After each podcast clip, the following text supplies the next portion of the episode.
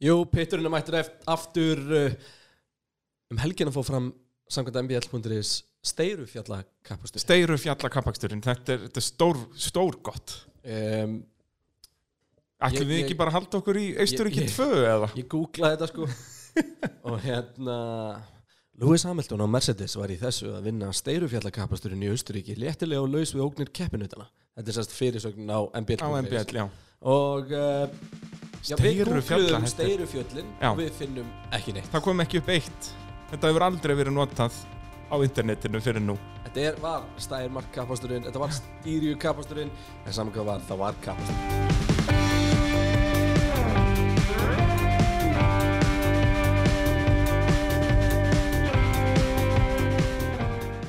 Jú, heldur betur og já, nú erum við loksins búin að rífa okkur upp við töluðum um þetta í marga marga mánuð að við ætlum að fara að rífa okkur upp og gera þetta reglulega Þetta voru Núna er þrír- sísonið byrja Þetta eru þrýr pittar á tíu dögum Þetta er ævintýraleg mólingindum að fylgjast með þessu Þetta er um, Ferrari getur til dæmis litið til okkar Heldur og litið betur. á framfærinar Já. og uh, það getur kannski hjálpaði en já, það var svo sannlega kapastur annar kapastur ásins fór fram uh, á Red Bull brautinni aftur eins og allir sem er að hlusta á þetta podcast vita en það er svona ágætt að kynna það eins og uh, ef við gerum ekki ráð fyrir Já, ég minna það getur vel verið eitthvað sem hlustaði fyrst að skipta núna Lewis Hamilton, uh, fyrstur í tímatökum, fyrstur í keppni, dóminerandi sigur hjá honum, Já. liðsulægin Valtteri Bottas kláraði annar, Max Verstappen þriðji. og Við þurfum mér ekkert að taka upp hérna þátt og þú varst búin að segja þetta síðast á þetta Það er hárið, og ég bara segja núna hvernig það fyrir næst. Já, það ekki, og þá bara, þú veist, getum við að fara í frí Það getum við farið yfir í. Það þurfti ekki, það er ekkit, það er ekkit eitthvað brjála spádomsgjönd Nei. fyrir um þetta, sko. það er, og tæknilega sko þetta, eins og í síðasta þætti varst þú að tala um hvað hérna eh, hvernig spádómurinn sko það sem þú sagðir á endanum var ekki það sem þú meintir Já. það er eins hjá mér sko, ég vildi spáði saman og þú en ég bara vildi ekki vera leiðilegur Já, ok, ok.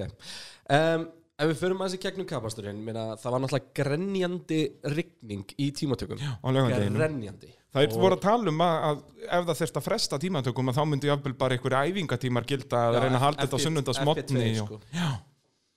en, en þeir náðu og það er líka svo geggja það, þeir hefðu leikandi geta sagt bara nei, það er ykning, viljum ekki, þetta er svo hættulegt en þeir bara hjóluð Sko, í ég fór þetta nefnilega að hugsa þetta hvenar fengum við síðast alveg blöyta tímatöku og þegar ég segi alveg blöyta Já, að, hún ég- þotnaði aldrei brautin já, veistu það sem ég, já einmitt, hún þotnaði aldrei og hún var verri þetta- þetta... meira sem í síðasta já, og þetta var ekki þetta sko það er svo oft þegar það er verið að- að svona, þú veist, að regning tímataka frestast um klukktíma kanni. og í raun og verið svo loksum við fyrir að stað þá er basically bara orðið svona intermediate ekki að veður Já, Þannig að þá fyrir maður eitthvað svona að byrju, ok, uh, þetta var ekki alveg blöyt, þetta var eitthvað svona breytileg blöyt og allt getur gæst. Þannig fengum við bara blöyt á tíma, það var bara Alveg. rekta allan tíman og bröytin var bara, hún, hún var bara ógeðslega blöyt allan tíman. Hún var þetta ekkert var eitthvað mjög að þorna svona eða- áhugavert þannig séð út að náttúrulega í sérst Q1 að þá eru tímatnir henda þú veist 1.20 cirka, svo fara hann í svona 1.18, 1.17 í, í Q2 svo fara þær aftur upp í þú veist 1.22 í Q3 Já. Þú veist, þannig að þetta var alveg eins og þú segir að- að Hún var bara ógeðslega blöyt. Ég segi það Og ástæðan fyrir að hún lækkar ykkur í Q2 eru fleiri bílar að keira, það er líkur og sér með hraðan bíl fyrir fram að þig og þannig að, um, og náttúrulega minkaði eitthvað aðeins í rigningin svo já, var og bara ég er að segja að fleiri bílar að keira til að þurka brautina. sko. Jep. En Lewis Hamilton á ráspól með tæpir einni og hálfri sekundu. Ein- 1,2 Já, ég bara man ekki eftir öðru eins 1,2 sekundur þetta var störtlun álíka svona Þessi- hvað, akstusímin á brautinu þarna í rigningunni, ein átján eða ein sautján bara þessi, rugg þessi ringur var gjössamlega klikkaður Nei, og þó að verðstappen hafði náða að bæta sig, þú veist, hann hafði kannski náða þessu niður í 0,7 eða eitthvað það var reynda búið að reikna út Hann hefði náðu sinni í 0,4 Ef Nú, hann- já, já. Ef hann hefði klárað síðust Klárað sinn hring. á eins og hann gerði á undan ok, Þannig að þú veist uh, Engu að síðust úrkostli framistæði Hamilton já, og ákveðið masterclass og mín upplifun var svolítið svona svo að sko það er svo mér finnst það bara gaman þegar svona ógeðslega góðir gaurir eins og Hamilton sem maður gleymir stundum hverju góð Já. þeir eru bara eitthvað svona robotar sína eitthvað svona, Svona glimpse. alveg magna ég er svo samanlega þessu út af, eins og maður segir, Hamilton, hann er bara leiðilegur hann er alltaf að vinna mann einhvern veginn ennir ekki að pæla honum sérstaklega á svona helgum þar sem þetta er bara walk in the park fyrir hann en þá er svo geggjað að maður sjáu það svona nokkrum sinnum, heyrðu já, það er ástæði fyrir því að hann er sexfaldur meistari Þetta er kannski ágætt að byrja þetta og við ætlum að halda áfram að taka þetta svona lið fyrir lið eins og Já. við við gerðum síðast og, og byrjum þetta bara á Mercedes uh, Hamilton fyrstur á, á í tímatökum, fyrstur í keppni easy. Eh, Sennilegt bara auðveldasti Sigur Hamilton á ferlinum Já, og samt á bókibrautina sko. Já, já, en það segir líka hversu miklu betri Mercedes er í ár Já, Þú veist, er ég hef enda- miklar enda- áhyggjur eins og af það er- Silveston og svona, þeir verið mánuð á undan er fleira í þessu sko um, Bottas, hann var fjóruði í tímatökum og kláraði annar um, Bottas, sko, Hamilton tók bara stjórnina og hann stýrði þessu bara og þetta var einhvern veginn aldrei í hættu aldrei Algjörlega. nokkuð tímann En það líka var að hjálpa honum, eins og segir, að Bottas resti fjörði og það tók hann, já, hvað, 60 ringi að komast bara upp í annarsætið. sko, það gull treyði samt Hamiltonina sigur að Bottas var lengi að komast í gegn en síðan var líka versteppin í smá vesenni sem kom bara í ljós eftir kemna Sem var hvað, hann var eitthvað með pínu tjón og, og Já, ég raun og veru um, svona allir hoppi kannski yfir bara í það að það sem gerist er að, að hann brýtur hans framvængina nægt um hann snemma í keppni Já. og það skemmir um, gólfið og afturvængin sem hafði engin brjáluð áhrif á akstustíma en gerði það að verkum að afturdekkjum voru að steikast það er svoleiðis. hann að balansinn út að dekki hittanum var svolítið farin sem að útskýr svolítið hvað botta svolítið auðvitað með að ná hann í endan Já, já, þá voru dekkin bara afturdekkin hans bara Alveg búin. kláruðust bara 15 ringjum og undan bótast já, ég segi, þetta var svona eins og bara í Ungverjalandi fyrra þegar Hamilton er Já, bara, þetta var, þetta var ekkert rosalega vesen. mikið Já. þannig og, og, en það sem að gerist þar eh, við kannski tökum það eftir því að þar vil ég aðeins fara að ræða dýnamikina í Red Bull liðun aftur um, Mhm. Tökum þetta að við ræðum Red Bull. það, það sem var kannski merkilegast við mörk þessa helgina um, þeir höfðu þrjá daga til þess að finna út hvað vandamáli var fyrir viku Jep.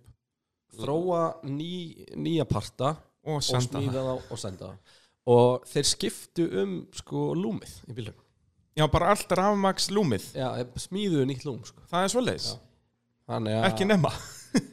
þreymur dögum Þetta er, en það er líka bónusin við að vera með 2000 manns í vinnu. já, allir fjárfinn Það- bara heima já, já. þeir eru bara Já, ég meina hann að nýtt rafmaksnús, þetta er svo störla dæmi þetta Formule 1, sko. Ég meina, þeir byggu til öndunarvél og tíu dögum sko. Ég segi það. Þetta er bara, þetta er svo störlað. en Mercedes myndu bara á það af hverju eru bestir og ég ætla að kommenta á eitt hérna litla dæmi þessi svarti í rigningunni og ljósunum wow, Já, sko. Ég elska þetta lúk svo mikið. þetta er ógeslað Það er líka, ég elska það að þeir hafi hjólað í að gera þetta semst alveg lúkið í keppni. Þetta var ekki eitthvað one-off á okkur æfingu. Bara, ó, og líka, þú veist, hvernig Hamilton lítur út sko í svartagallanum með fjólubláa hjálminn. Þetta er alveg indislegt. Þetta er rosalega cool look Það er En bara svoleiðis. Mercedes allavega algjörlega framúrskarandi fóru bara létt Já. með þetta Sko, Eru- núna eru er í stuðullin fyrstu- á Benz að vera meistari 1,05. Það tekur ég eiginlega ekki að setja á það Nei, Það í eru bara rauninni hærri ekki, sko, vextir Red, banka. Red Bull er 20, Ferrari eða McLaren 100 Þú veist, og ég skil það alveg, þú veist, McLaren, eru- nei, Mercedes eru búin að vinna titilin núna, þetta er bara komið Já, þetta er svona spurningum að að hólka milljar á þetta, það var þetta kannski smá mann tilbaka. Já, þú veist, eða ráða Binotto sem stjóra, það geti kannski gert eitthvað í loksísons Já, Mercedes algjörlega drotnið yfir uh, steiru fjallakapasturinnum Steiru, ég kemst ekki yfir þetta orð, Nei, þetta er sko, frábært. Um, Steiru fjallakapaksturinn Steiru, þetta er enda fáralegt Næsta liði sem sem við skulum kíkja á er Red Bull. Verstapen annar í tímatökum þriðja á ráslínu, Albon sjötti í tímatökum fjórði á ráslínu. Jú, Sko Verstappen gerði náttúrulega minnstök í tímatökunum uh, hann hefði, eins og ég sagði hann, hann hefði verið 0,4 mættar Hamilton en ef hann hefði ekki spinnað en það hefði ekki breytt neinu með, Ekki neinu. með rásuruna nei, Sko Verstappen kerði alveg briljant keppni Þú veist, hann stakk liðsulagana af, hann var í aðstöðu til þess að takast á við Bottas, geðveikt þegar Bottas var framúrunum og hann bregðast á það er hann enda strax rétt, já, aftur. það var fáralegt Það var geggjað Líka múta maður held að það væri, þú veist, Bottas var búin að vera að ná honum með einni halvur sekund á ringi, marga, marga ringi og bara, ok, það verður ekkert mál að taka fram úr. Nei, nei, þetta er Max Verstappen eftir allt saman, sko. Já, jákvæðnismerki voru náttúrulega það að Honda greinilega hefur búið að finna út hvað það var sem var að slátra Já. bílnum þeirra í síðustu keppni Algjörlega, og ekkert veðsann á því, annað en eins og hjá Runo sem voru ennþá að ströggla, tölum við það á eftir. En það er svolítið steikt sko í þessu út, við tölum við mynd að sé svona Red Bull braut og eitthvað þannig. Já, Þú ert samt í botni hela allan tíman sko. já, já, Þetta er rosalega vélar þetta er mikil powerbraut, það er rétt. þannig að, að um, í raun og veru met ég möguleika Red Bull miklu meiri um næstu helgi. Ungverjaland er en mikil Red Bull braut líka. En sko Ungarland er brautin sem að þeir verða að vinna eða ætla að ná í sigur bara því að það er Já. engin önnu braut á kalendinum einhvern veginn sem öskrar Red Bull, það er engin Monaco það er engin Azerbaijan það er það alveg er engin hérna, Singapur það er bara það er, það er mikil pressaðin, það er rétt það var bara Red Bull Ungarland sko. þannig að, að verðstafin verður að, að vinna um næstelgi það er bara þannig En um, náttúrulega ef, að- ef að Hamilton vinnur í Ungarlandi þá nær hann að jafna einn eitt mittið hjá, hjá Michael Schumacher eða bæta það réttar að setja að vinna oft á sömu braut já, á, hún lífi velar en sko það sem að uh, eins og ég nefndi á hann að, að, að það var skemmt í, í frávagnum og gólfinu og afturvagnum hjá verðstafin eftir, eftir bara eitthvað að snemma í keppni væntanlega bara aukumarsmiðslik og honum hann bara tekið eitthvað kant eða Já, eitthvað, já, sko. eins og Það var við ekkit- margum það var talaðum, enginn árekstur eða þetta er neitt þannig. karrekjar þessi braut Þetta er karakter um, Og lítið kannski sem við getum talað um verðstafin Hann var bara rosalega mikill verðstafin Nefn að Já. bara hann var En þú veist, kannski það aðalega sem getum talað um er hvort var Verstappen góður eða Albon lélegur Sko, það er nefnilega það sem ég ætla að ræða næst Þetta Verðstafin var er mjög góður fáránlegt, hann endar 11 sekundum á eftir liðsfælega sínum og Verstappen tök auka stopp í endan Þannig að þetta eru kannski svona 35 sekundur Já, sem að, eða, segjum 30 sekundur því að verðstafin alltaf kerði rosalega hratt síðustu Já, já. tvo ringina, eða þrjá ringina á sem dekkjum En sko, ég nefnilega er að velta þessu fyrir mér Albon, hann verður að gera betur al algjörlega og þú veist, hann lendir í slafi Peres í endan sem hann heldur samt sem hann sætinu bara því að Peres brýtur framvangi Peres var miklu hraðar sko. Já. og eins og, eins og maður segja, þú veist, Vestabend ykkur auka þjónustili og þarna komur líka nú annað Eh, þeir sem að fylgdast með þessu heyrðu kannski þegar að eh, Verstappen var að spurja stjóðuna sinna af hverju þau tóku þjónustili svona snemma, af hverju heldur hann mikið lengur úti og þeir sem við hrættu við öndikvætti frá Bottas Já, já öndikvætti á ekki að vera vandamál Ef þú ert Því að með þeir eru tvo að vera bíla. búinir að senda Albon inn Jep. til þess að hann sé að undirkvætta En þarna strax eftir 20 ringi var Albon komin 20 sekundum á eftir. Já, hann var bara ekki með Hann var ekki með í keppni. Og það er vandamáli. Að Hann Verstappen náttúrulega líka, lendir þetta, sko, sko- tím radioið hjá Verstappen þegar hann kemur út og, og var það ekki, og þá Hamilton þegar hann er búið með sitt stopp og kemur, og Hamilton kemur út sko einhverjum 8 sekundum á undanunum þá hann var búin að vera 10 ringjum lengur á gamli dækjónum og Verstappen segir bara, hvað vil ég það ég geri? Þú veist, þetta er bara eins og að kæra keppnina með eina hönd bundan fyrir aft- aftan bak. Algjörlega og ég meina að Verstafinn tekur þjónustilíði sitt þarna á 20. og eitthvað 2004 ringheldi, alveg Og- mjög Og snemma. hérna, hann kemur út fyrir framann Albon Þetta er bara rugl. Þetta er nefnilega ekki lægi sko Nei, eftir, svo- eh, eins og ég segi, eftir 20, þetta voru kannski já, 28 ringir eða eitthvað og hann er komin pitstopp á undan aukumenni sem er á sama bíl. Það er komin háar orrumur Dietrich Matisic mætti á uh, Red Bull ringum helgina kom hann eða í Eurocoptunum sínum með eitthvað Jú, jú, og- og grjótharður. bara mæ- Mætti Og hann heitir Sebastian Vettel Já. Og sagan segir að eftir það hafi Helmut Marko fengið skilabúðin bara bring Vettel home Það er svoleiðis. Já. Bara núna í, í gæri eða fyrir þetta. Já. Þegar að hann, eh, Kristján Honner var búin að segja beint neyð að þetta var alls ekki að fara að gerast. Já. Ok. Það er reyndar eitthvað sem ég var að gegja mikið til að sjá á næsta ári. Við nefndum þetta síðast Já. Þetta væri kannski möguleiki En svo náttúrulega líka hinliðin á þessu er hvort að Vettel vilja þetta. Vera Vettel number two hjá virðist vera Verstappen. búin að breytast Já. eftir að tímabili byrjaði og hann vill bara fá bíl Ég er sammála þarna. kannski bara var hann var og kósi í kófinu og svo manna bara hefur nei þetta er ógeðslega gaman Já Þetta er ábygglega ekkert leðilegt Þú veist bara, horfðu á rækonin Fertur bara í, í 17. sendi og er, er að fíla það Já og það væri alveg ákveðin svanasöngur fyrir Vettel að verða heimsmyndstari bílasmið aftur og supporta strákinn sem tók við á honum í Já, að nákvæmlega verða mestari í raun og veru sko. Það er hægt að gera eitthvað ljóðrænt um það Mhm. tryggja Red Bull næsta síðasta mm titilin sinn sko. þannig að, að þú veist, það er alveg spurning og hann gæti þú líka liti á það sem svona eitthvað framtíða skref inn í Red Bull hópin, því að hann er Geta- auðvitað ekki vinsall lengur hjá Ferrari Já. þannig að hann er ekki fara að Og vera náttúrulega þar Vettel áfram. Þú veist, Red Bull hefur bara unnið fjóra bílasmiðatitla Vettel vann á alla Þannig að það verið geggja fyrir hann að vinna fymtatitlin með þeim líka sko.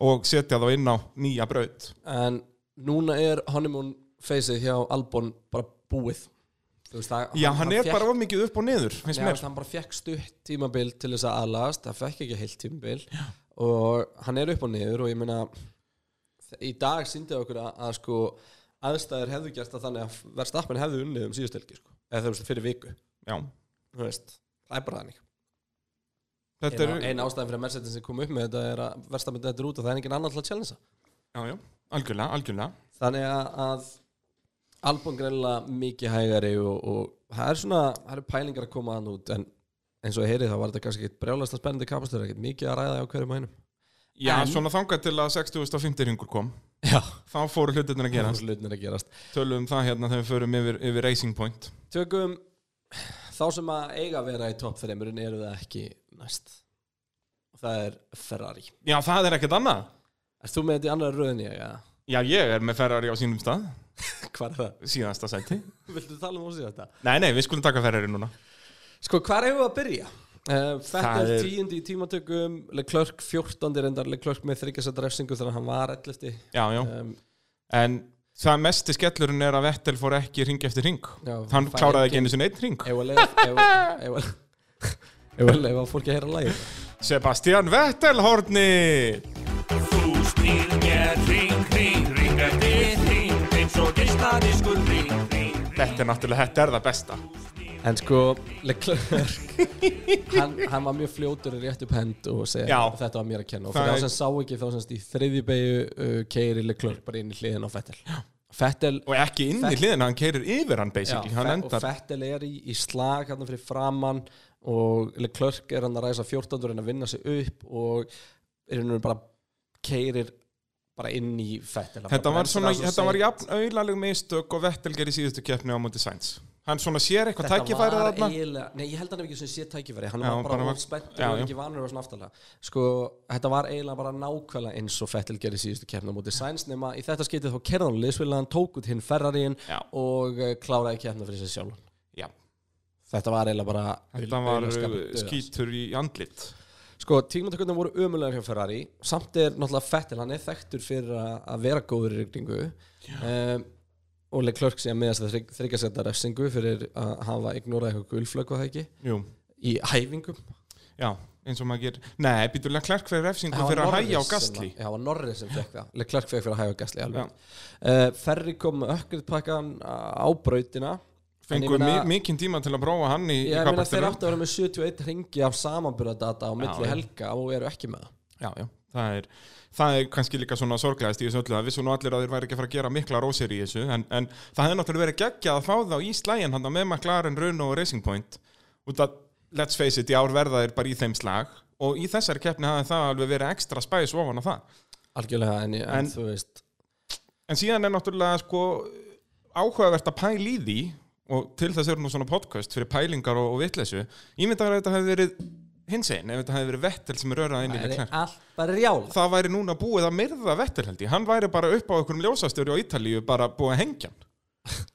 það er bara að svona ándjóks út að núna er Leclerc alveg posterbóin hjá Ferrari Já, já. og, og, og allir að býða eftir að Vettel fari og Vettel hafði hann að rörað inn í Leclerc hann á báður bíla dottið út það er bara, það er alveg sama hversu mikið sorry Vettel hafði sagt, það væri búið að stjaksetja mannin En málega bara það að við erum að fara að sjá meira af þessu algjörlega, Já, ég- þú þetta er í veist, annað hvað skipti ætlar- í fjórum keppnum Um sem þetta og, gerist og hvað ætlar að, ég ég get endla þeirlandi saman En allt í hennu er þau bara í þeirri stöðu að sko ferðarinn er greinilega ömurlegur í tímatökum já, Ömurlegur Og líklega skýrist það á því að þeir eiga ekkert svona hammer time mode Þeir eiga ekkert eitthvað scenario 7 já scenario 7, ég til elska þess það að- svo mikið Til þess að hérna, negla í, í tímatökum Og sem þýði það að, sko, Landon Norris sagði eftir kappasturinn bara uh, Ferrari eru hægari en, en eru hraðar en við í keppni já, eins og við sindum síðustu helgi en þeir bara geta ekkert tímatökum og þá náttúrulega endaru á því að byrja einhvers staðar 5-6 sætum og aftarlega og þarft að fara að vinna þau upp í bíla sem eru bara ekkert mikið hægar akkurat núna já, já þú ert ekki að geta það á beinum gamlum þannig að þeir eru bara í drullu vondum mál Og þú veist eins og í fyrra þegar voru með góðan bíl og samt voru þeir endalist að skýti degi með að ha, nei, hleyftulega klærk fram úr, hleyftu þetta fram úr, blablabla. Ef þeir fara að gera þetta í midway ballinu, þá eru þeir bara að fara að enda tíund og ellefti. þeir eru líka bara fastir í okkur vítaring Já. því að þú sér að í enda þessa árs þá eru vélinn sannst homologirði fyrir næstu þrjú ár Frábært. hvað ætlar það að gera? Þetta er alveg, ég, ég, þetta Það- er það er alltaf bara já engin og orð. það er eitt uppgrið á ári Já. eftir homologirðinguna Þetta er ekki eins og Honda verið í fyrra með sko tvö uppgritt per og viku. bara, og liggur bara við. taka fullt af refsingum Já, til já, þess og að bara þróa. til að þróa. Núna verða Ferrari bara með skítin í andlitinu. Já. Þetta er, svo, þetta er fáralegt sko. þannig að ég veit ekki alveg hvað er alltaf að gera en, en Já, Menn þe- setja- þetta menn er svolítið setja svona er ástandið með spurningamerki Ferrari bara að maður hefur engin orð En hvað finnst þið með Benotto þá? Það er, þeir hafa reynt það líka að skipta um stjóra eins og engin sem morgundagurinn, það virkaði heldur ekki En Ég veist, mér- Benotto virkar á mig að svo rosalega flottu stjóri sko. hann er ekki á réttum staði í þessu liði, hann er flottur sem sagt technical director eins og hann var Já. hann á ekki að vera liðstjóri hann er ekki, hann kann ekki man management og allt þetta hann á bara að vera technical director hann er, með, hann er hellings heili og allt þetta og góður stjóri, bara ekki hann á ekki að vera á topnum hann á að vera technical director því hann er að finna eitthvað svona karakter bara eins og hann var hérna hvað hérna hann með hvítaskekkið sem var núna síðast Já. mér fannst hann alltaf flottur var ekki eitthvað Arriva, Arriva Bíne Jú, að reyfa benni eða eitthvað, Benni. akkurat já.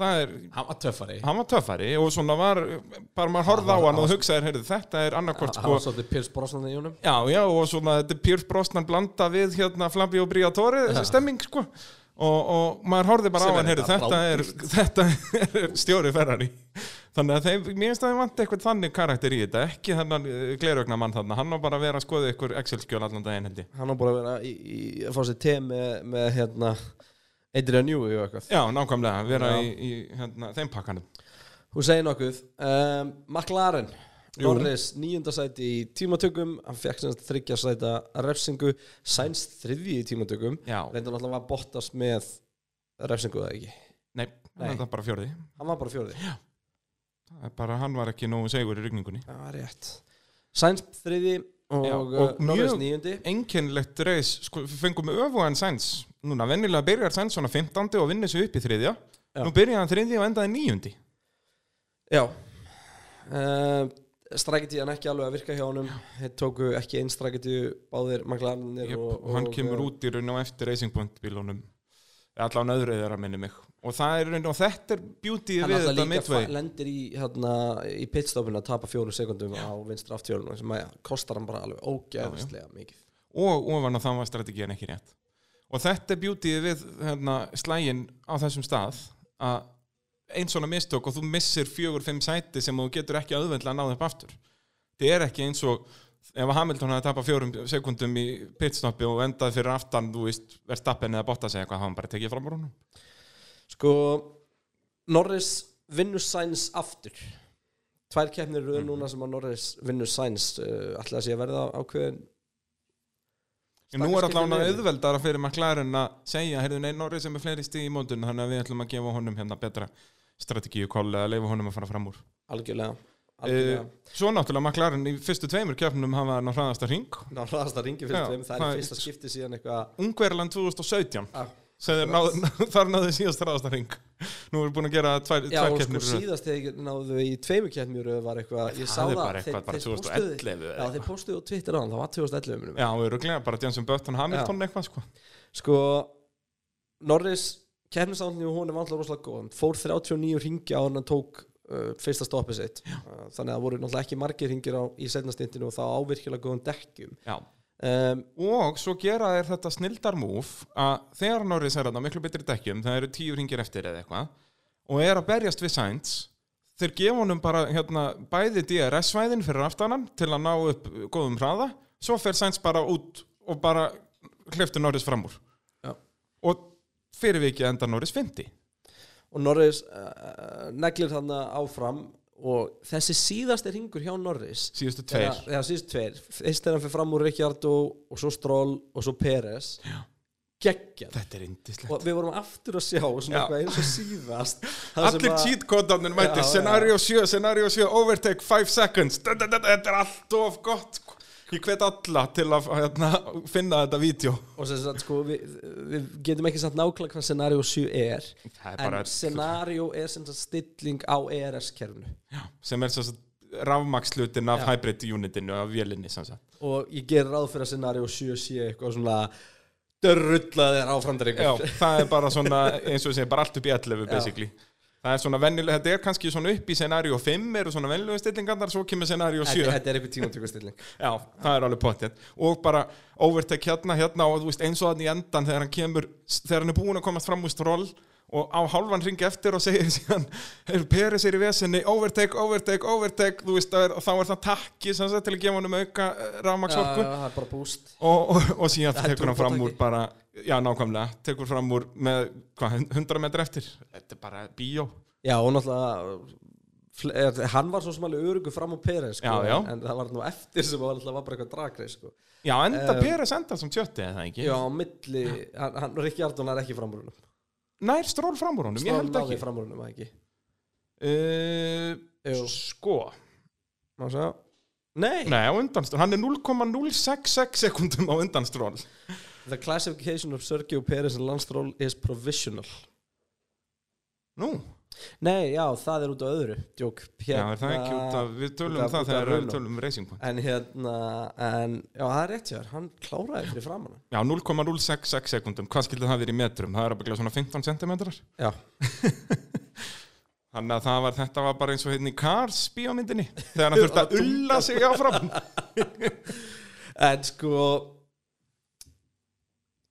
Andreas Seidl sagði eftir keppnina að- að ástæðan fyrir því að McLaren var að ná þessu sko það er náttúrulega eitthvað er sem hann nefnir ekki en einhvers staðar McLaren er greinilega ógeðislega góð með lítið bensin Já. sem gerir hann geggjaðan í tímatökum Já. og geggjaðan á þessum síðustu ringi Á síðustu metrunum, það er rétt þannig að, að við slum ekki verið að hissa út í að sjá um fleiri hröðustu ringi hjá þeim Já. en, En það sem overall að, er hann ekki nógu góðu kapastusbíl Ég sko- ég er ekki sammálað því Ekki, og það sem að sko Andrea Sædlan talaði um að ástæðin fyrir því að þeir náu þessu og náu þessum árangri sé að sko bíllinn er svo predictable hann er svo fyrir Já. og ólíkt til dæmis ef við sáum spinn hjá verðstappin í æfingunum og svona ímislegt ólíkt í raun og veru Red Bullnum svona sem dæmi eða rununum eða eitthvað álíka þá geta, þú veist, þetta er bíl sem að leifir Norris og Sainz rosalega auðveldlega, að explora, eða svolítið svona kanna hvað þið komast langt Já. með hann. og að vera með svona þú veist, þetta er ástæðan fyrir því þú vilt oftast að bílinn sé aðeins undistýrður frekar en yfirstýrður, en svo getur þú farið þá í hættuna og fá svona snapp ástýr það er það, það, er- það, er- það er miklu auðveldar að leiðir þetta bílinn þegar hann er þannig og það er það sem er einhvern veginn að gera, þú veist, ég er ekki að segja að hann sé undistýrður það er nei, en þetta er svona ástæðan fyrir að lætu kapparspil vera undirstýran um, Bara þannig að þú getur unni á, explorað limitið meira já, þú, þ- hann fyrirgefur miklu meira og það er að skila þeim bara fáum mistökum í keppni sem er að skila þeim núna á velunapall og, og hvað, uh, fimmtarsæti Já. bestur restinni, aftur Algjörlega, og eru og bara í, Norris er bara í þriðarsæti í, í mótinu stigakeppni sko ökumanna, og, og þeir í öðru sæti með 39 stig í öðru sæti í konstruktormótinu þú veist, þeir eru núna 12 stigum á undan Red Bull þú veist, Já. Red Bull mun ná þeim á undanum en Sau- þeir verða, en þeir eru 17 stegum undan hérna, Undan Racing Point. Racing Point Og og, það er nú það 20 sem er stegum aðal. undan Ferrari sko. Já. þannig að það að- er spurning nær ferrarið þeim í ár Ég held það Ég veit það samt ekki Ég, ge- ég gerir mér enga grein fyrir hvað ferri ég er Ég gerir mér enga grein fyrir ég held að ferrarið ná þeim, þeir eru með góðan kapastusbíl þeir, bara mun, þeir verða alltaf lélir í tímatökum þetta er bara eins og 2012 Þetta er bara svolítið mikið undir aukumönnum komið alltaf þetta er eins og bara Alonso 2012 þá einhvern veginn náðan bara að keira þann Ferrari bíl ótrúlega, það hann var alltaf bara 8. tímatökum og massa var 15. eða eitthvað og samt enda Alonso að vera að berast um vettinum titil það árið Þú veist, þetta er svolítið svipað dæmi nú með Ferrari að þeir eru saurýr í tímatökum en svo er þetta bara hversu góðir aukumenninir eru í kemni Þú veist þetta verður bara frólilt að fylgjast með þér um það. bara allt fyrir aftan Mercedes og sennilega Red Bull líka ég held að Red Bull verði mjög örgir í Red öðru Bull seti eru- Og sko ég ætla að taka það tilbaka sem ég sagði síðast Ég talaði um að, að mér síndist af öllu að munurinn á milli Formule 1 og 1.5 var það lítill að þú kemst ekki upp með að gera mistök eða áleika, Já. við myndum ekki vera svo mikið af þjónustilíðum fyrir eh, dekk ekki aftur það Jep, Sorry, þú tekur þetta á þig tekið þetta á mig en Eh, McLaren allavega í blúsandi gýr og verður bara gaman að fylgjast með þeim vaksa og þá færum við okkur yfir í uh, Racing Point Tracing Point fyrir ekki, ég mismænti mig um, Peres 17. í tímatökum Já, og uh, sjötti í kefni Stroll 12. hefði í geta leikandi tímatökum verið og- 50 Já, jafnvel fjóruði, en að- hraðarlega séð áttan að vera fjóruði og Stroll 12. í tímatökum 7. í keppni og tímatökunum voru náttúrulega mikið vombri fyrir mjög mikil, og eftir tímatökunar hugsaði maður bara, má hvað þetta er svekkjandi fyrir Racing Point núna Þau byrja tímabilum með geggjaðan bíl og það bara gengur ekkert, en sem betur fer náðu að rífa sig upp í, í reysinu en samt svona overall er þetta búið að vera svekkjandi tvö reis fyrir Racing Point þeir eru mikið hraðar en þeir hafa sínt það og það er eitt einn af punktunum sem ég skrifaði hjá mér eftir keppnina Þú veist, er þetta ekki vombrið fyrir Racing Point að vera ekki var Já, það er það Þú veist, áttu þeir ekki verið í öðru sæti í stíðakefni bílasmiða og eitthvað þannig núna Það er mjög góða punktur og, Ég held og það, sko. Ég held það, ég er algjörlega Þeir eru hraðar um að klara, finnst mér Það finnst mér, það er bara í keppni virðist, er, er bílinn þeirra betri Já, en tímatökum Það- bara skipt svo miklu máli þannig að þeir Algjörlega. verða að finna einhver traða í tímatökunni og uh, ok, við slum ekki horfa á þetta 17. og 12. sæti sem einhverja, einhverja lýsing á því og Nei, nei. bara býðum eftir Ungarland og sem að vonandi kerið þurru ekkert vonandi er en það er til að blökt Ungarland en, en sko, Og svo náttúrulega Ungverjaland hentar 2019 bensanum ekki vel Þannig að það er kannski frekka ja, sér löstum Hamilton vann þar samt í fyrra Já, já En, en, hann alltaf henda Hann allavega ekki frekar. verður svo en síðan verður áhugaverð, þú veist eins og á Silveston verða Tracing Point þá bara hraðar Red Bull gæti gæst Það geti nefnilega alveg gæst sko uh, ég ætla, vildi minnast á hérna þegar Stroll fyrir fram úr ekki hjartum Já.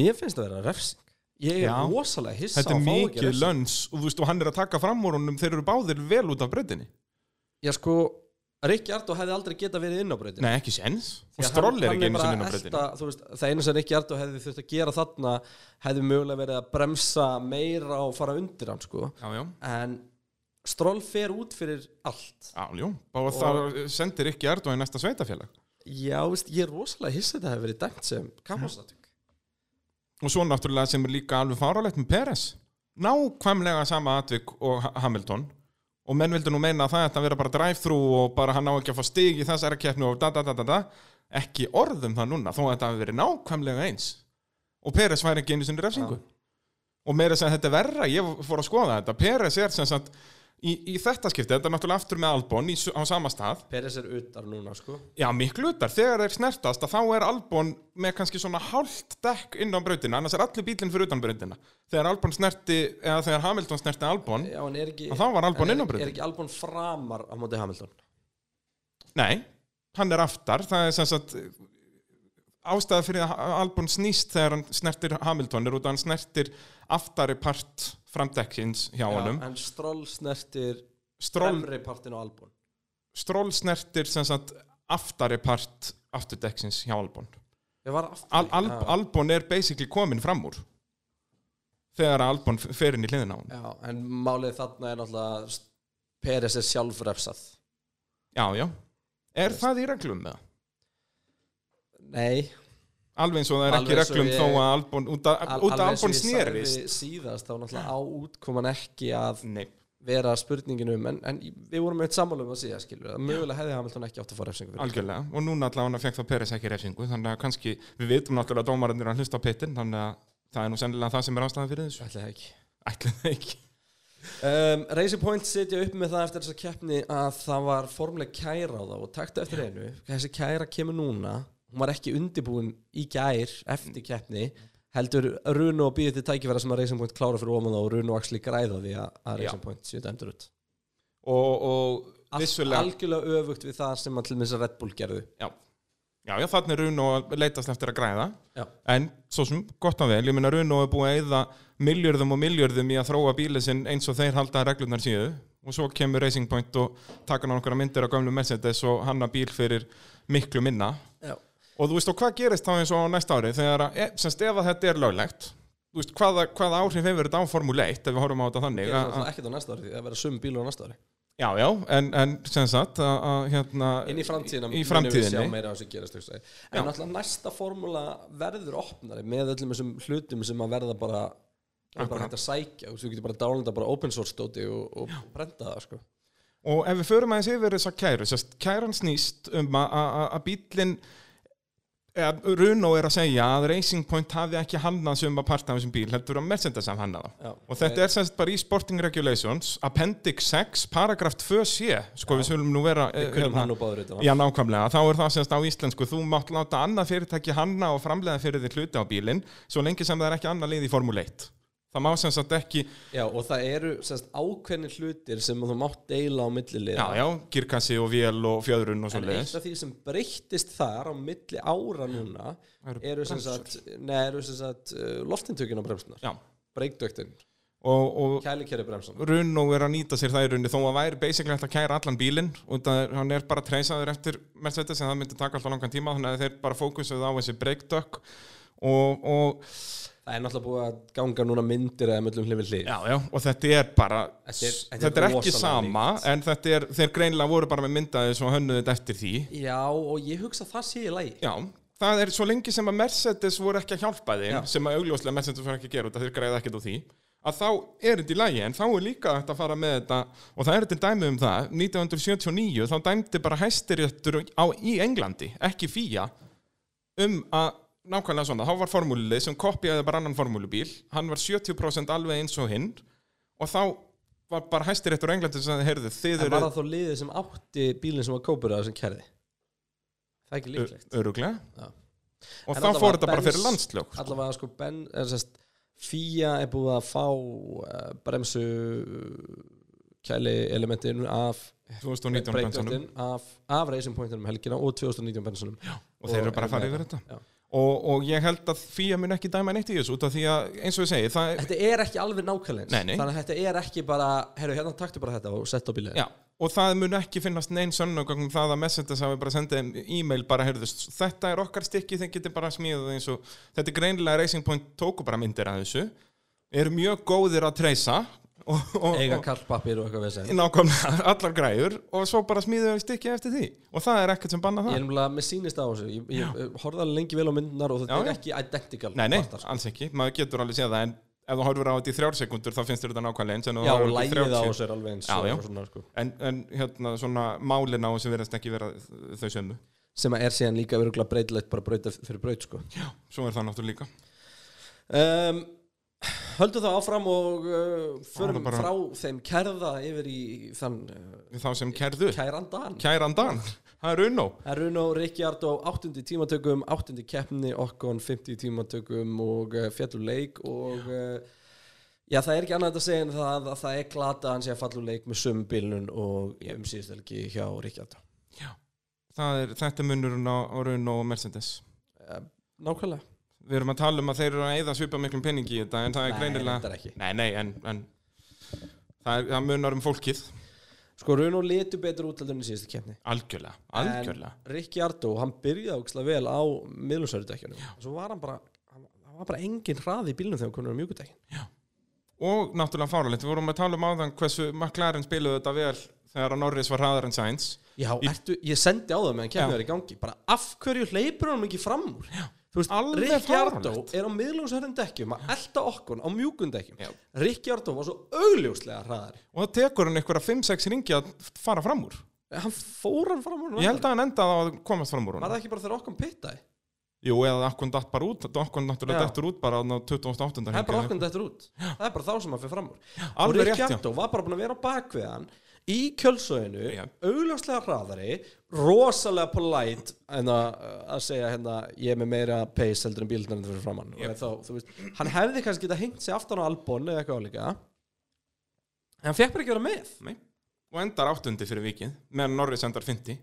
þetta var nefnilega, þetta var glatað Og ég bara fatt ekki hvað runn og var að spá, svona í alveg talað. Og það sérstaklega út að þetta er svo augljóslega, heyrðu, þeir eru á öðru sitt strategíum. Já. Þetta er ekki Þeir eins eru og bara eitthvað að vera, eitthvað þeir eru að keppni. vera leiðilegir. og Þetta þarna var, átti okkur bara, herru hérna, nei, átti Rikki átti bara að fara framfyrir og bara okkur satt, herru, reynda að hangi hún já, já, nýttu kjölsöði frá honum þú ert á mjúkudekjónum, þú ert að geta þetta, skiluru.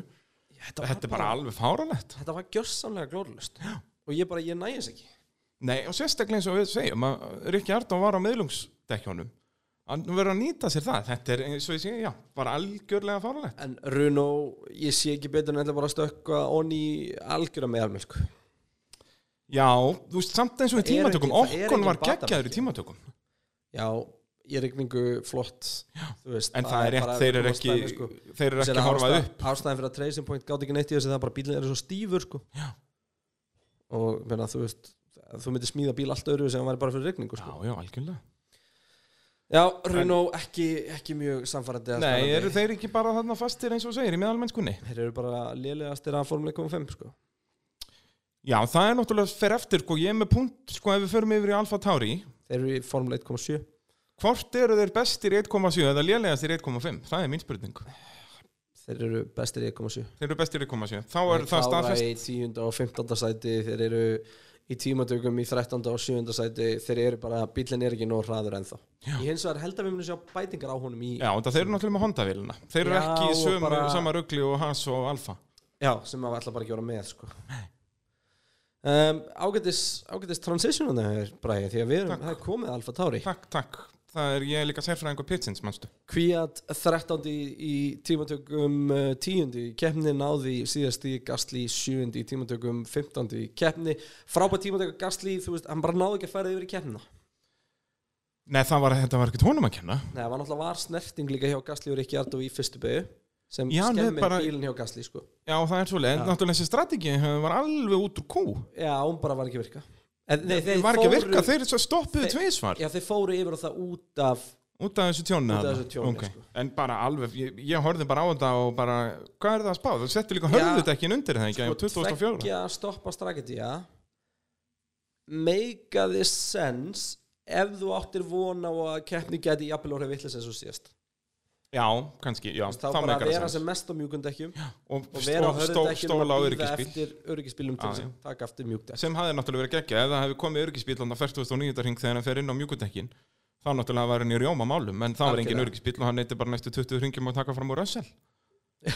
þú veist, það var svolítið þannig Uh, Kvíat, nei, jú, Kvíat bara Ekkert að náði frétta á stíg þeim og bara bænum. þokla sáttu með það og, og Alfa Tauri sagði bara eftir þetta það bara vantar hraða hjá okkur, við erum bara að finna en núna sér maður, sko, skastli er mun betri bæði í tímantökum og keppni er kvíat, er þetta síðasta sísón eins?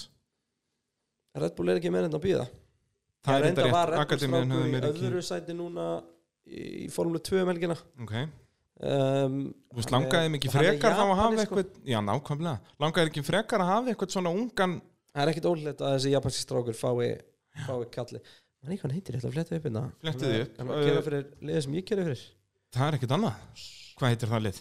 Karlin wow Sá, Uh, meðan hann flettir þessu upp þá ætlum við bara að fara En yfir í en það Alfa er Romeo vont ef við förum frá þeim sko og erum að tala um Alfa Romeo og ég fyrir svo allt í henn að minnast á eitthvað gæja Já, þetta er bara gerum podcast, við það, núna. það þarf einhvern struktúr í þetta Jésús, ég er að koma með svo mikið vesinn en ég hef ekki hugmynd um hvernig þetta er búið fram Yuki Tsunoda, Júki Sonota, okkar maður, kollegi Kristjáns fætti 2000 ok, vá, það er hérna statikumann hann er 1.59 veist hvað er þungur Hvað, hann er svona 35 Sko, þetta kíló er sem sagt 20 ára kallmaður Já, sem er 1,59 og hvað, 45 kíló 54 Hann er 54 kíló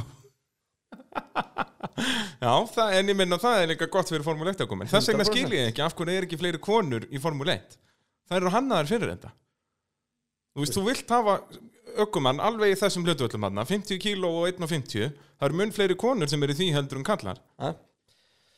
en uh, þannig Alfa að það Romeo er allavega einhver að koma upp Já, hjá Red Bull ég, núna. þú veist, af hverju myndu Alfa Tauri ekki frekar vilja hafa hann heldur en eitthvað eldgamlan rússa sem er búinn að brenna sig margóft og er ekki að práður á gasli Ég hef meira ágjör að því að einhverju svo Gasly fari út út af því að hann á bara ekki framtíð einhvern veginn fyrir liðið sko og Kvíat getur bara verið svolítið svona benchmarkið sko heldur að- að hafa, eh, henda gasli þó hann sé betri en, en kvíat veit það ekki en þeir eiga sem sagt, þeir eiga tvo þeir eiga annars vegar Yuki Sonoda og svo Jehanda Ruvala sem að er frá Indlandi það er ekkert annað um, en annars eru sérst í formlu 2 annars eiga þeir bara gauðra í formlu 3 það eru spennandi gauðra þar reyndar eins og Igor Fraka sem að var sko ísportsaukumar já, jú, alveg rétt og hérna en, en það er ekki, ekki margt annað í nei, gangi hjá þeim sko, eða veist bara formule 3 og, og formule 4 og þú veist, þeir bara En þurfa svo að náttúrulega byrja á verður- því að verða mistarar í þessu til þess að Já, við fyrir já. eða allavega nálægt í til þess að maður fara að taka eftir þeim sko. svo náttúrulega meðum ekki glema því að Alfa Tauri á næsta ári verður náttúrulega bara Albon og, og, og gasli út af því að Vettel verður komin í rennbúl getum bara gæst. það er svolítið svoleiðis Herjá, færum okkur þau vill Alfa Romeo og Rækunin 16. tíma tökum 11. í keppni ekkert stig þar Gionitsi uh, var sem sagt 19. Í, á ráslínu en hann fekk 5 sæti ræfsingu þannig að hann, hann kvalifæði þá 14. og kláraði 14. þannig að hann var greinlega bara hans staður og ég er með smá punkti hérna um Alfa Romeo sem ég skrifaði í glósundarhammer hvað er með hann? það var ekkert að frétta ferðarlegin eru bara öll að ströggla Ég veit að ég ándi og skrifaði ekkert að frétta að rækvæðin 11. og djófana 10.14. Það er mínar glóðsur um Alfa Romeo. Sko, Rækonin tókst að halda has fyrir aftan sitt Jónivitsi misti og einn ástæðan fyrir ég eh, minnist á það var að það var áhugavert has megin hvernig þið gerði það um, Rækonin hann lendir náttúrulega í að missa bílunan í antistólið í byrjun sko. Alveg rétt. og Þarna í þriðju beygju, er það út að ekki? ferri, Þegar að- út já. að ferri í klassunni Ferrari eru að keira ofan á hvern annan og hann er fyrir aftan. öll vídjóin af ferri í klassunni kom úr bílnum hjá Rækonin sko. Já. og hann er að reyna að fara frá þeim og þá lendir hann í antistólinu og það kostaði hann alveg slatta sko. en uh, Alfa Romeo er bara fallin niður í, í keppni við Haas og Williams sko. Já. Og, og það er svona eini punktun sem ég hafði þarna um Alfa Jú, Romeo og Alfa Haas. Tauri eru sko í formule 1,6 Já, ef Þeir við eru ætlum... í hvoru af þessum sko. Ég segi það, það er eins og ég var að tala um á hann Hvort eru þeir bestir í þessu eða lélæðistir næstu Þeir eru eiginlega bara, svona, þetta er eins og Red Þeir Bull eru bara alveg svo Red Bull Já, enda er þetta Red Bull 2 Þeir eru þarna bara akkurat á milli og ekkert að freda En sko ef við færum okkur vill að Haas og því að mér fannst það áhugavert í tengslu við Alfa Romeo Já, Eh, sem sagt, það var Magnussen- svona eina sem var áhugavert á þessum slóðum er slagurinn þarna á milli Ég sko, þetta var alveg ekkert svo mikið slagur sko. Magnúsen, hann er 15. Í, á ráslínu og, og startar og klárar 12. Grósian náttúrulega byrjaði á þjónusvæðin og klárar 13. yep. Og sko, Þeir splittuðu Alfa Ég er með Romeo nokkra hana. punta fyrir Haas sko. Ok, Fyrsta lagi er það bara báðir ökumenn klára þetta var magnað Hvorugur- Ég sá hvorugur stigum. Krofti kom líka með skvota á þetta í kommentaríunu Hann kom eitthvað bara, það var ekki einu sinni sínt sko Hann sá bara á, á Já, ég væri- tímaskjáanum að- væri hlið við hlið Nei, hann kom hérna bara, heyrðu, ég er með fréttir, Martin. Það, Magnúsin var að taka fram úr grósjan og þeir klestu ekki saman. Já, ég segi það hvernig það var Það er nefnilega málið, það, þetta var ekki jafn frábært og við heldum Nú það er svo leiðis. Hérna, þeir voru alltaf að skipta á sætum alla keppnina til Nú. að prófa að ráðast á Gio og Nitsi Og þeir gáttu að korið. Já, og náðu endan Já, nú já, já. náðu Gio bá, að lokum báðir sko. þannig að þeim, þetta var ekki kappastur að sem voru að skipta á milli Nei. en það er samt magnað þegar við skipt nokkru sinnum og ekki Já, eitt ég saman. hefði aldrei, ef ég var Gunther Steiner, hafði ég aldrei þórað Nei, þessu. nei, nei, sko. nei, nei. Bara glindu þessu. þá hefði ég bara haft annarkvæmt þeirra á þjónusvæðinu En hvernig má, það- af hverju eru þessir menn ennþá í Formule 1? Grósjan og Magnúsin. fyrir Drive to Survive Fyrir það er þetta, þetta er mjög góða punktur. Þetta er fyrir okkur. og ég, ég já, ég, ég, ég er svona veltsu fyrir mér stundum en, Já, en- hérna þú veist, eins og í fyrra, þegar Hulkenberg er laus. Hendu þessum grósjan í rusli þar sem hann á heima. Vettel er laus núna Ég nákvæmlega, Hulkenberg og Vettel í, í hérna has Já. Þetta er ljóta rugglið að halda þessum mönnum keirandi Já, já. Nei, þú veist, ég, ég get tekið upp einhverja vörð fyrir Magnús Já, ég líka Ég get ekki tekið upp neina fyrir Grósjan Nei, Grósjan, hann, er- þú veist, hann toppaði fyrir tíu árum síðan og bara, hann var fínn En það er þarna hjá spurning hvort það sé Lótus að elda eða eitthvað Hann er að fyrir- fullna hann- elda, hann er maður, heima ekki hjá- nóg með að hann er að elda Hann er að gera cookbooks, hann Ég, ég er er að segja það hendi í hann hlýtur- uppskriftir bara Hann on the hlýtur að side vera að elda ón í liðið á Það keppni. já, gæti verið, sko, gæti verið um, Williams liði Russell 11. í tímatökum kláraði 16. Latifi 18. í tímatökum kláraði 17. Uh, 17. Þetta er besti árangur Russell í tímatökum Fyrsta skipti sem gemst í Q2 Já, eh, og næstu í Q3 Já, já, það, er- hann, hann er mjög mikið að vinna með þetta næstum því, sko Hann Þetta var, er hann var, alltaf hann var ykkur, í 12. náttúrulega eh, og til Fær- einhver- fær upp. einhverja- akkurat en sko, Svo- Russell náttúrulega fyrir út af á fyrsta hring Já, og, Og það dettur kostar hann, niður í- þú veist, þannig að það má spyrja sig hvað þessi keppni hefði ekki orðið fyrir hann Já, ég er, En- á ég að lesa fyrir þau glósu frá mér Já. Hafði hann geta gert betur, hafði hann ekki, hefði ekki verið fyrir útavaksturinn, spurningamerki Nei, Jú, nei ég held það Hann enda ringa á eftir Gastli sem er 17. Já, en samt Ekki sens Ekki fræðilegur, Williams er alveg jafnvonlega sér í keppnum og þeir voru í fyrra Þeir eru aðeins skári í tímatökum uh. Það er bara svo leiðis Já, þá erum við búin að fara yfir liðin uh, Já, fyrst að við ákvaðum að svindla og hafa ferrar í hann að breymið um pakkan Já, Náttúrulega í mínum glósum eru ferrar í núna, sko og við tókum allar, allar aukaglósunar uh, Varstu búin að reikna út spátuminn fyrir þessa Herðu, helgi? ég eigum við ekki að sleppa því núna Nei, ég meðlist svolítið vel á þetta Herðu, við, við skulum taka, taka Við erum náttúrulega í byllandi championship Við tveir í, í spádómnum okkar sko. Og þar eh, spáði Kristján Einar í, í síðasta þætti að að Hamilton myndi enda fyrstur Hann far 0 stig þar Þannig sem að það er akkurat rétt Þetta er sem sagt spurningum að vera með sem fæst stig Hann spáði Bottas í öðru sendi Það var hár rétt Og Verstappen í þriða sendi, það er hár rétt Þannig að þú varst, Bam! í, þú varst í 40 og ert ennþá í 40 Þannig Eh, að bara- það sem að við köllum þetta er negla eh, Þetta er a slam dunk Eða eins og uh, Jörgen Klopp myndi segja Boom Hver er Eh, Jörgen Klopp? Ég þekki þetta ekki, hann er ekki formuleitt held ég uh, Bræði Þorðarsson spáði Bottas í fyrsta seti einfallega bara vegna þess að þú varst búin að spá rétt og ég vildi ekki vera leðilegur spáði Bottas í, í, í fyrsta gott að vel bara mínus eitt stygg ég var náttúrulega með 31 fyrir þetta, ég var að kjöldraði því í fyrstum fyririnni Hamilton annar, mínus eitt hverjum spáir B-hundurinn í þriðasandi það er að sjálfsögðu okkar maður Sebastian Vettel þannig að það eru svolít mínus 18 á, á B-hundurinn þar þannig að ég er núna í mínus 51 þú ert 11 stífum og undan mér En það var eitt sem við glemdum síðast og það er náttúrulega það að það er fantasy-deild pitsins. það er rétt já, ég er eiginlega Þú búin að gera ert, nei, þú ert að rokka það. en það, Já. ég er ekki búin að skoða það einu sinni Ég nefnilega myndi það á milli keppna og gerði breytingar. sem nú voru ok, mjög ég er góðar ekki, hjá mér. það er ekki svo gott hjá mér Sko, ég er svona að spá, ef að við vippum okkur inn á hvort við hefum að stilla upp fantasy-liðun okkar fyrir næstu helgi líka. já, ég, ég er til það Sko, ég ætla að kíkja hérna á pittin og, og ég, ætla, ég ætla að gera mönnum shoutout sem að leiða. ú, vel gert, Ég held að menni það bara skilið. ég heldur betur Og- hvernig fer ég inn á þetta, er þetta ekki inn á formule1.is eða .com segja ég náttúrulega ekki lægi sko. fantasy.formuleit.com og uh, Fantasy. þar er BTH Racing sem að ert þú eða ekki lurglega Jú, Ég er, fór að það svo. er ég að vinna? þú ert í öðru sæti Ert að menna þetta? með Hamilton, Norris, Perez, Stroll, Já, Giovinazzi og ég er með Mercedes-bílinn. Norris Littla veistlan ég gerði breytingar á milli kemna ég man ekki hvernig liðið mitt var fyrst en ég mig geng, gengum mun betur, ég var með þeim neðstu eftir fyrstu kemna Nú það er svo leiðis ég var með Hamilton, Norris, Bottas, Perez í þessari kemni sko. þannig að það er náttúrulega mjög verðmætt Það er sko. ekki, ekki amaljúa pakki og með Racing Pointin sem bíli minn og Rösselana líka þannig að ég fekk alveg sko 185, eh, 195 stig fyrir vikuna eh, fæ mínus 10 stig fyrir sem sagt að hafa skipt út eh, ég, ég, ég hólkaði verstapin fyrir Bottas Já Þannig að- að, já, jú en mér Ágætt. sýnist að allir sem eru ofalega og það er eh, Kristinn Gilvason sem að leiðir wow. mér sýnist það koma stóru leiti frá Mercedes Shasti Já, hann er að vinna með það Já.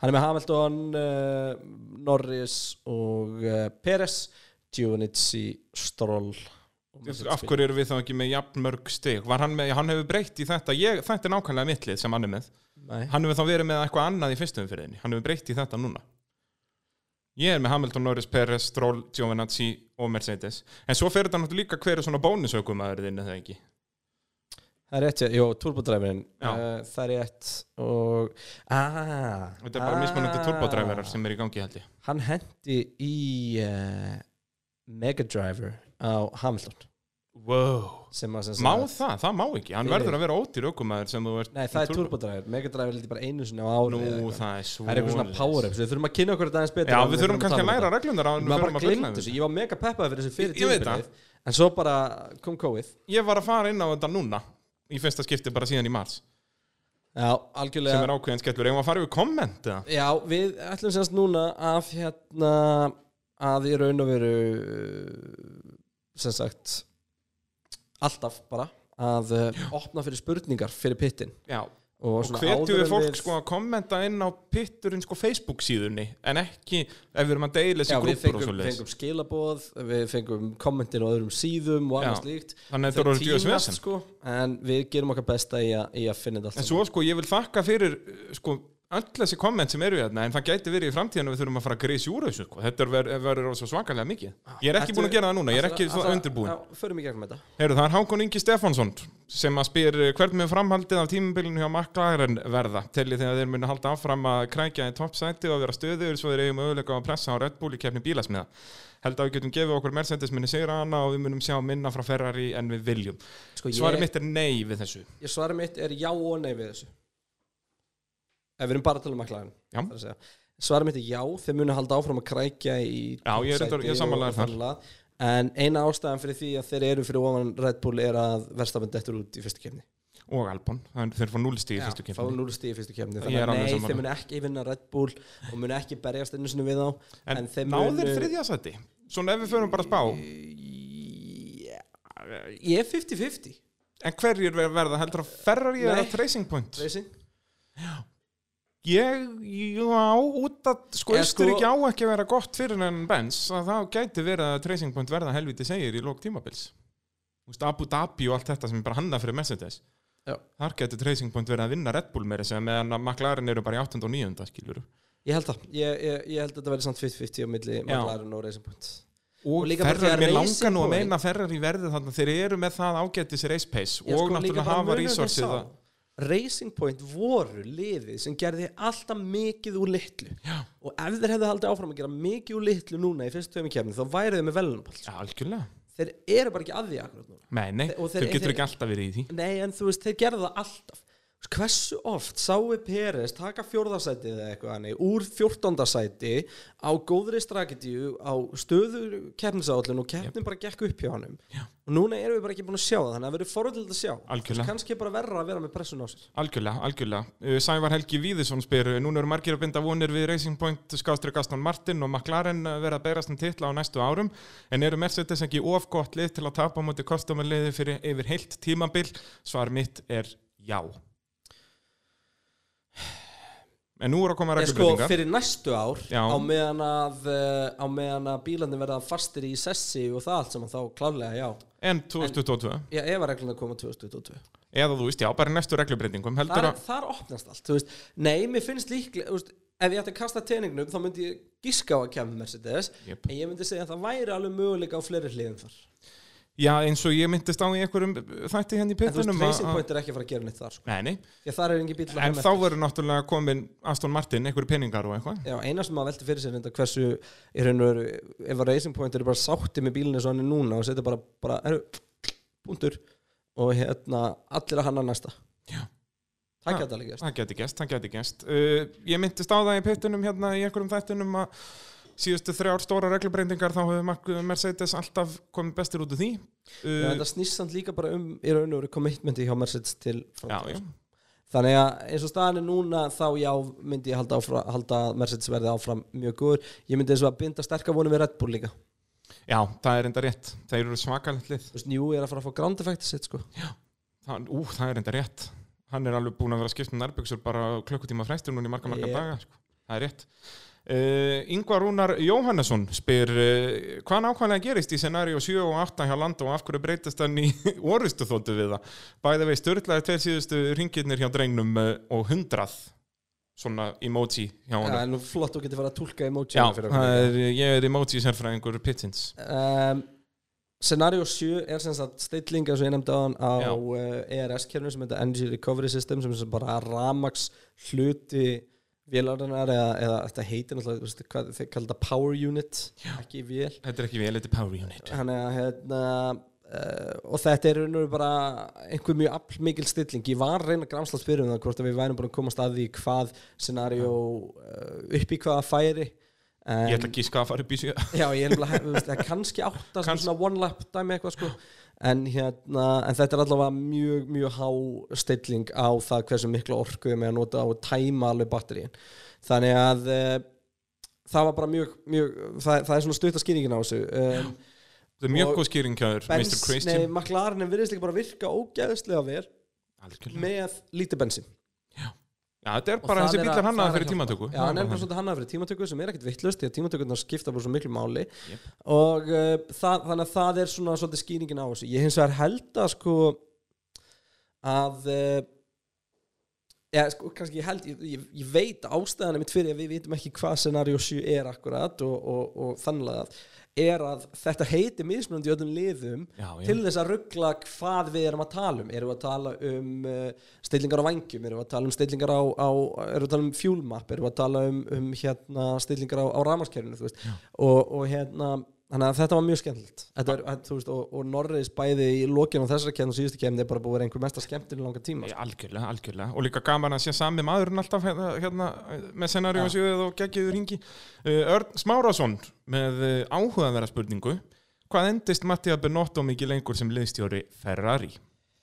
Sko við rættum þetta áðan Já Ég, sko, Benotto er í óvennilegri stöðu fyrir stjóra Ferrari um, Hinga til hefur sett, í raun og veru Fiat haft svo mikið um það að segja hverjir, hver er stjórinn Mm -hmm. Fiat grúpan Akkurat En í dag eru nú sko fjárfestar sem að eiga leikir hluta í Ferrari formuleitliðinu Já, það er svoleiðis, þetta er ekki jafn mikið Nei, þetta er ekki Fiat. bara, þú veist, stjóri Fiat ræður lengur. Þannig að þetta er svona, þetta er pínu pínu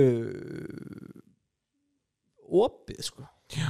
Ég Eins og held að ég hann sé sagði ekki að hann. fara alveg á næstunni. Ekki, Nei, ég held að verður hann vandamálin ekki tekur hann ekki í pókan sinn eftir þetta verður tímabil verður fórnað svona geitinu sem hann fórnað. Það geti gæst eftir þetta tímabil, sko.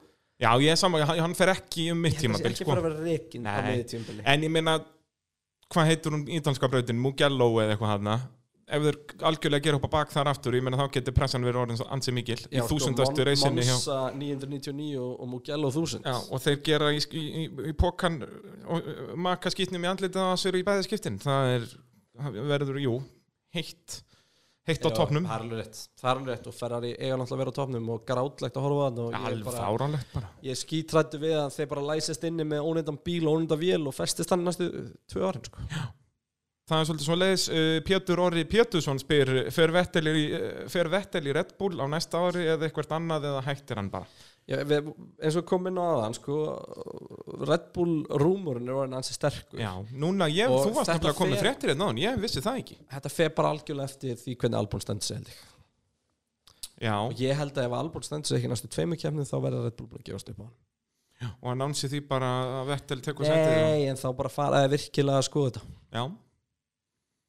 Það er, uh, já, við fórum svolítið yfir þetta áðan. Ég, þetta verður allan áhugavert, hvernig þetta fer allt saman. Algjörlega. Viktor Böðvason uh, spyr, fylgja eftir uh, RP20 kærunni. Já, raun og er ekki nýtt komið Það er bara Hvað, kæran ég er veit ekki búin að- eins og hvað þetta er. Racing Point Já, Racing Point að sjálfsögðu. Það er hérna, kæran er bara úti en það er ekki komin hennar Já, við fórum yfir þetta ánd. uh, Nei, og við fórum í gegnum af hverju í raun og veru það er verið að nýta sér uh, sem sagt uh, þessar uh, uh, bremsu Já.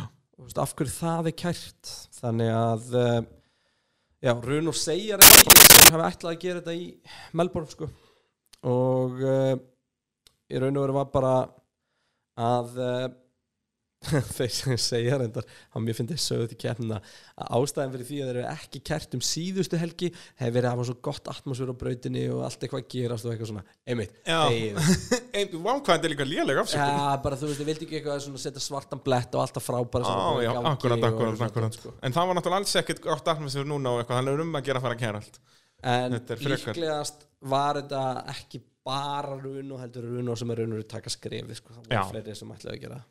Uh, Þá uh, er hér uh, maður sem með eitthvað fallegt að millinafn og eftirnafn sem ég hef nokkuð tíma að vitað um uh, Örn Bræði Þórðarsson Já, sem að spyr uh, hvað er að hindra að Ferrari í ári eru svona slakir til dæmis í tímatökum og fleira er bílinn ekki að skila sínu eða er þetta ökuminnitir þetta er bifreiðin þetta er bifriðin, þetta er bifriðin og bifriðin kemur ökumönnum í stöðu sem eru ekki vanur að vera í bílinn er gjössamlega handónundur. Megin illa farin að búin að vera Bara, þeim, þeim vantar svakalega upp á hraða í tímatökum og bílinn er eins og steipuklumpur í beinni línu Já. bara dragif og uh, hann bara virkar ekki og, og þannig þetta að verður er ennþá bíllinn- meira séttsjó á Ungverjalandi út af það er það er svo mikið hætt ánforsbröð Já, en high downforce gæti virka fyrir þá Já, Þannig að ég myndi ekki segja þetta verið ok, shit show í Ungarlandi ok, þá var þetta kannski freka Silveston og þær bröðir Silveston verið shit show Já. 100% það geti verið Og spa Já, Guðminn Almatur, Og já og Monsa og Mugello Þannig að, Þetta verður litla þvælan í sömar maður. já, þetta lítur ekki vel út Nei, það er óvægt að segja það. Þorsteinn Magnússon spyr, er eitthvað annað lið en svarti bensinan að vinna einhverja keppni, eh, annað eh, fyrst eh, Red Bull náði ekki að vinna á heimavelli. Það Já. er runni, við tölum um dán, Ungverjaland er svona síðasta sens fyrir Red Bull. Ungarland er meiri séns fyrir Red Bull já. Já, eiginlega síðasta sens, eins og eins og við tölum Við um. vitum náttúrulega ekki hvað kemur sko. Nei, nei. Ef að Brasilia dettur inn Nei, hann náttúrulega verður ekkert í Ameríku sko. Nei, getur glimt. Þannig að Appilsínu maðurinn hann að gera gott mót. eins og staðan er núna þá, þá nei já, þá er Ungarland sensin þeirra Uh, Ingimar Elfar eh, Ágústsson spyr er eh, Lando næsti Hamilton eða er þetta bara einstæmi að hann skildi ná þessum árangri það fer svolítið eftir bara Nei, Lando er ekki næsti Hamilton, hann er bara fyrst í Lando Ú, original það er, þetta er góða punktur en ég, Landon Norris er klálega í aðstöðu til að, til Hann að er- gera frábæra hluti algjörlega, þetta fer bara eftir hvaða bíl hann mun hafa undir sér næstu 20 Já, veist, árin Landon væri að berast um sigur á keppnum eða bílinn væri að berast um sigur í keppnum sko. algjörlega, hann er Þannig að- geggjaður okkur en við höfum séð það miljón sinnum í Formule 1 Ég var spurður á Instagraminu mínu einmitt, ég seti stundum upp svona spurningardæmi sem að þú veist ekki af Nei, því að þú auðvitað ert ekki. alltaf ekki á samfélagsmiðlum Nei, en hérna seti upp eftir keppnina svona question box og ég postaði bara mynd á Landon Norris og verstafin og sagði bara ú, ef þessi gæði að vera heimsmyndstar og hann bara að vinna þennan það er, það er svolítið svo leiðis Já. það er bara nákvæmlega þannig Uh, er Landó að fara að rústa Carlos í ár? spyr Elvar Freyr Þorstensson hann er ekki að fara að rústunum nei, Nei. en og það kemur ekkert út að Carlos myndi vinnan í ár en Lando er bara ekki að gera mistökið sem fyrstu keppnin þannig að svona framar að lítur þetta rosalega vel út fyrir Lando Norris og ég minnst ekkert benda til að það sé að fara að breytast Þú veist, hann er ekki svona mistakur aukumæður sko. Nei, nei. Svo er, er komment undir þessu hjá, frá Guðmynd Orra tóku Ferrari kannski ranganga í ár McLaren. Nei, ég held að Lando hef ekki verið að- ég held að mindseti á Lando passi ekki inn þú Ég er- veist, Lando ætla sér að verða hinsmestari en ég er með ákveðna kenningu og sjáðu núna til dæmis uh, verstapin þegar hann svara fyrir sig á móti Bottas Já. og sjáðu Norris í sínum framuröxturum ég held að rafíþróttar hluti formúlunar sé að koma í ljós núna því að þessi gæjar eru búin að prófa að setja bíl allstaðar og fara fram úr góðum aukumunum eða verjast Ég segi það. Þeir eru búin að prófa Ég öll meina- scenario. já, meina, þú veist, þú ert ekkit ekki, e, þegar þú keirir simulatorinn hér á Ferrari ertu ekkit eitthvað í kappakstri Nei, nei. þú er bara hotlap á að reyna að stilla bílinn sko. en þessi gæðar eru bara að keira með alvöru ökumunum alla daga í tölulegjum og eru bara að prófa þetta Þetta er mjög góða punktur. Að hafa prófað eins og segir alla flóruna. Hafa verið í, þú veist, 17. senti að Já, keppa ég er að við gæja velta sem því er jafn fyrir góður mér- og þeir. ég er að velta því fyrir mér hvort að þetta sé ástæðan fyrir að verðstafan er svona góður í kappakstri Út af verðstappin er alveg argjöfli Ég bara bestu ökumæður í, frá því í, í í wheel to flórunni. wheel, sko. Já, já. bara frá því að hann var þú veist, þryggjóra er hann bara búin að vera í Playstation og að gera gókarbíl og að gera Formule 3 bíl og að gera allt skilur en hann, þú veist, hann er svo klikkaðar að hann fer heim til sín og fer beint í töluna eftir að hann er bú- að gera kappasturum leður hann er búin að keppa Já, í já, Formúlu 1. hann bara verið.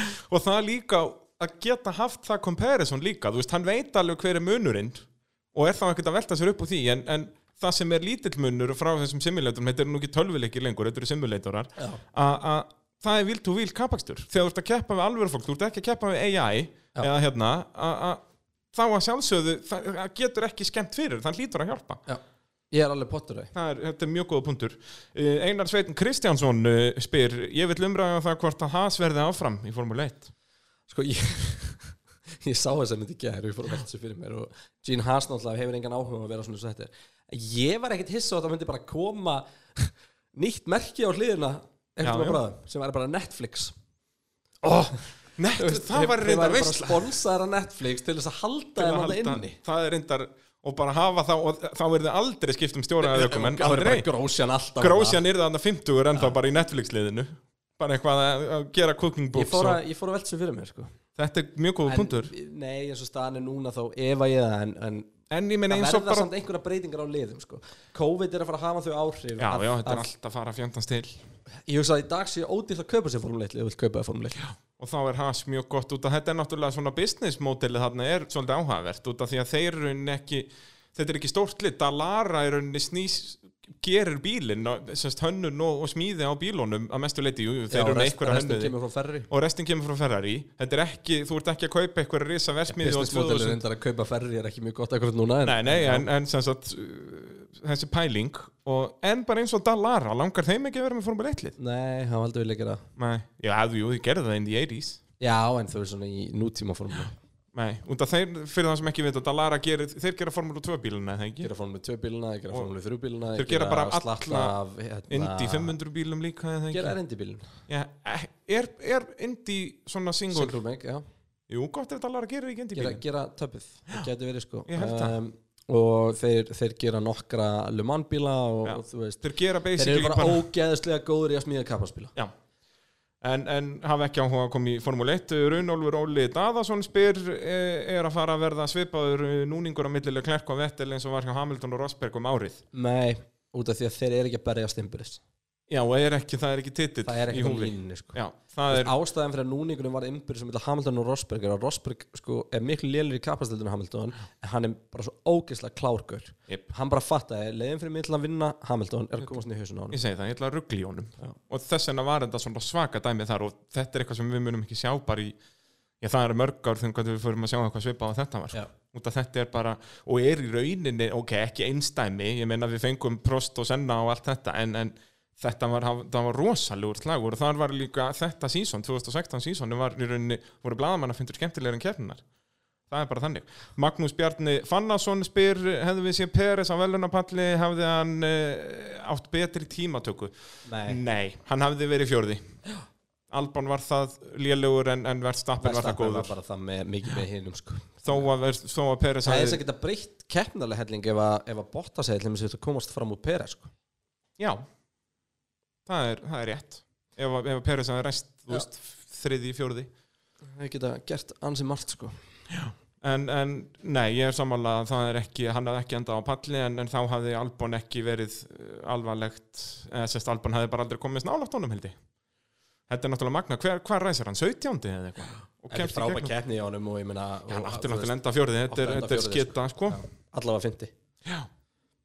En ok, uh, þá uh, horfum við bara til ungarlega, erum við ekki búin að fara á alla spurningar? Jú, við erum búin að fara yfir þetta og bara enn og aftur, takk fyrir spurningarnar og, og hérna gaman að sjá að það er eitthvað að fylgjast með Já, það er geggjað og, og við munum setja þetta upp alltaf bara núna, bara beint þetta í keppni saman hvernig náum að taka upp podcastið samdægurs eða mándið, þriðið eða whatever Já, reynum að miða við svona þriðudagur, miðugudagur sem síðasta lagi Já, en við erum jafnvel að spáði að reyna að byrja að gefa þetta út á sundinu Jafnvel, jafnvel Það fer alltaf eftir tíma, það er bara þannig Já, Kristján Einar er busy man Já. Ég verð á Akureyri Þú næstu ert að- helgi ert að og mótsport út um allt land, Sauðakróku helgin eftir þar og Akureyri helgin eftir það og þannig að þetta er allt í rjómamálum Já um, Ungarland þá hérna ég ætla að koma með koma með viltaspá Ú, heyrðu, já, það er komið að því núna maður sko, Alltaf Ungarland, afslæði ég að leifa þér að byrja aftur, nú má ég byrja já þú mátt byrja Takk uh, Hamilton Verstappen Bottas